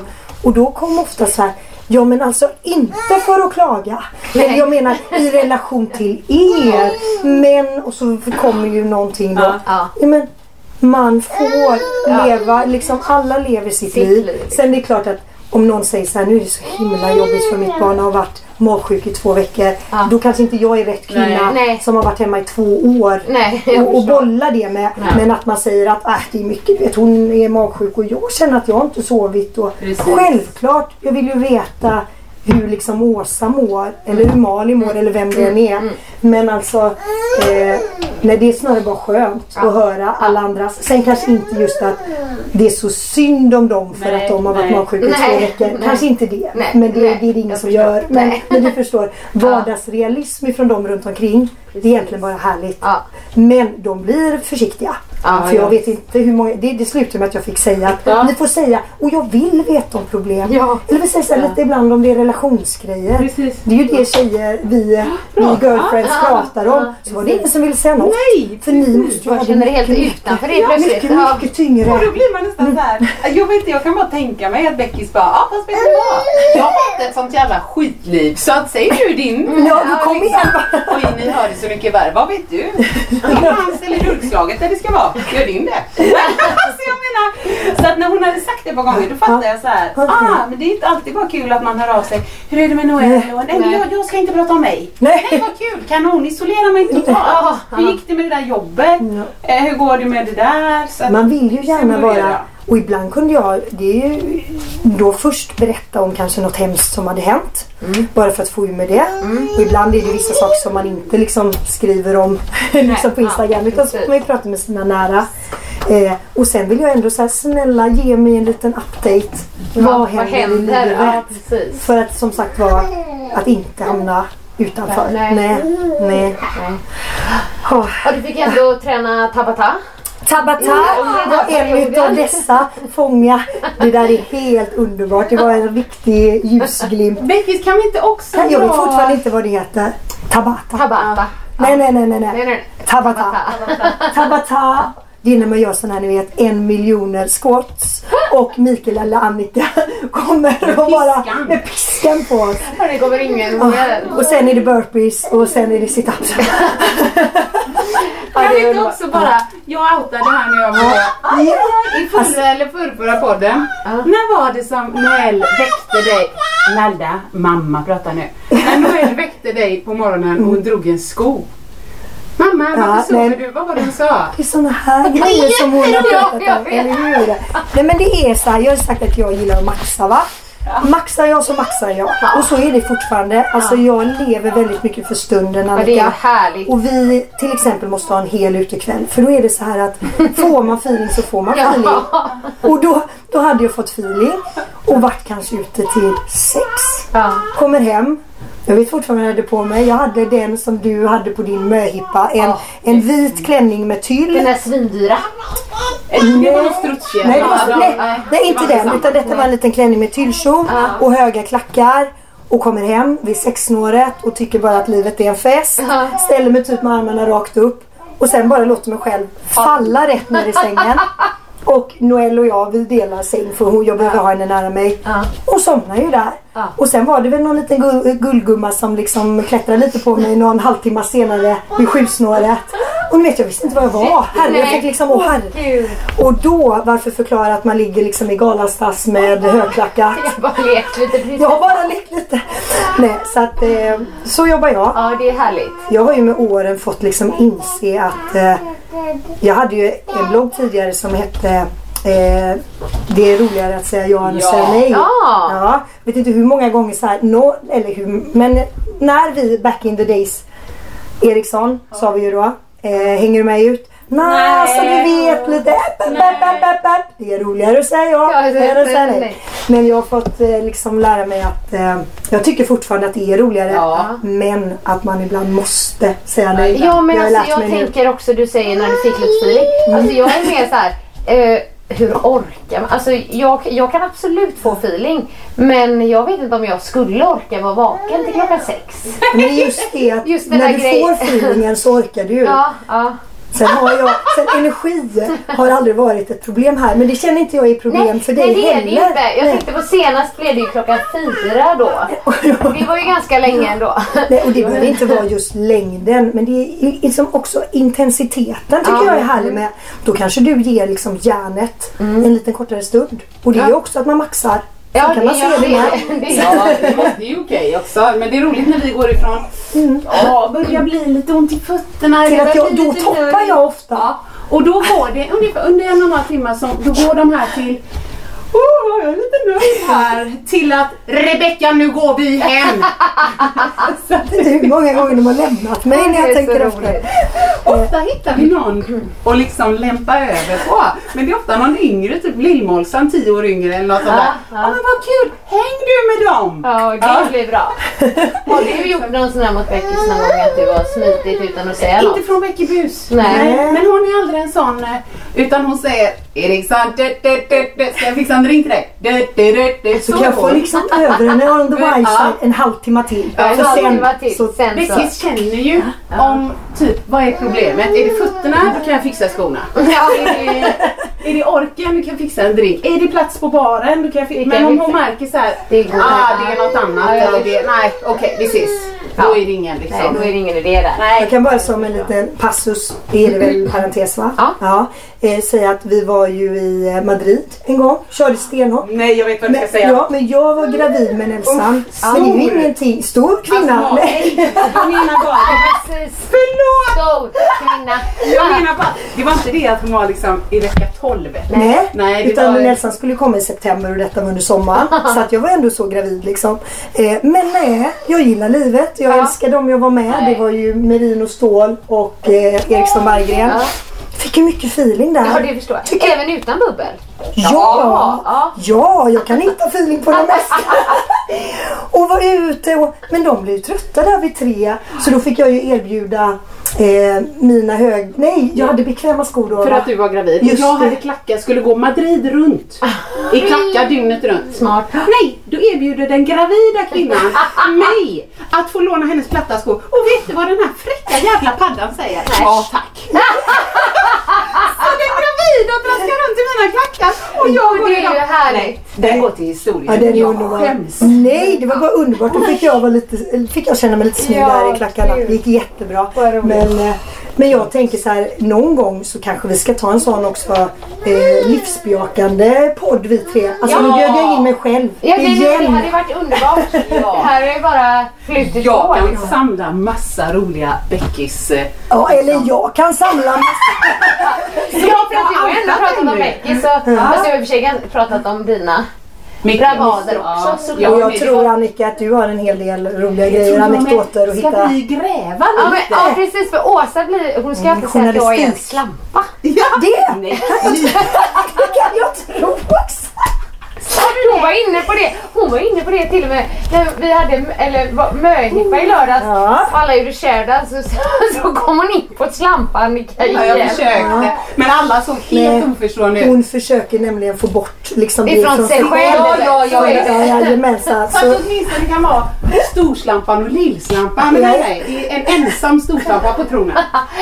Ja, det måste vi definitivt göra för jag tror att vi kan prata länge som helst. Mm. Men jag tänkte att vi skulle avsluta den här podden med lite, alltså lite glatt så här. Och då tänkte jag, hur firade ni en livet? Ja. Nej, det bestämde vi ganska så direkt. Att när då Noel eh, skulle bli frisk så skulle vi åka till Paris. Ja. Ja, så att vi har åkt till Paris. Eh, en helt galen resa som egentligen bara var åka dit, ge järnet på Disneyland i liksom 14 timmar, två dagar i sträck. och sen flyga hem. Då Så förstår jag att du är trött i och för sig. men, så det kanske inte är en sån drömresa om man tänker liksom ur alla aspekter. Nej, nej. Men en enorm livsglädje och eh, verkligen maxade Det blev hela bra också, eller det Ja men blev det så blev roligt. fantastiskt. Ja, för ja. barnen var det helt underbart. Och för, ni vet, glada barn, glada föräldrar. Föräldrar. Men vi hade ju också ett jättestort eh, tårtkalas. Ja. Eh, ja men det var ja, kanske 120-130 människor. Det är bara vi som, där är det där med maxa. Vi har alltså ett relativt, men inte, men litet, ett vanligt radhus. Ja. Där det kanske om man har fest kan gå in 50. Men att satsa på en tredubbling. men det var, vi hade eh, alltså turen med oss, det var fint väder. Det var ju nu i 14 eh, april. Ja.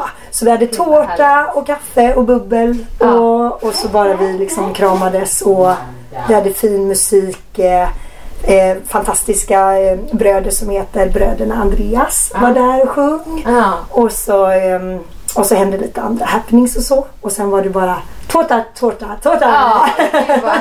Och Noel med alla små kompisar. Och jag tänkte just på det, det kanske var liksom 50-60 barn. Men när hela den ligan var, då var de på en lekplats utanför så. Och man tittade dit. Och där var hon du vet Ja. med inbakade flätor med blommor, någon prinsessklänning och bara liksom helt lycklig med eh, alla små kompisar. Ja. Ah, Gud vad fint. magiskt. Det här det är nästan, nästan som en liten saga känns det som. Ja, det så. blev- men det var ett fint. lyckligt eh, avslut. Det var men ett sagan fint är inte avslut. slut. Men, Nej men det var ett fint Ja, eh, avslut på en, eh, eh, ja, en sån resa. Ja. Men eh, ta, ja, tack snälla för att jag fick berätta. Ja, det var fantastiskt att ha det här.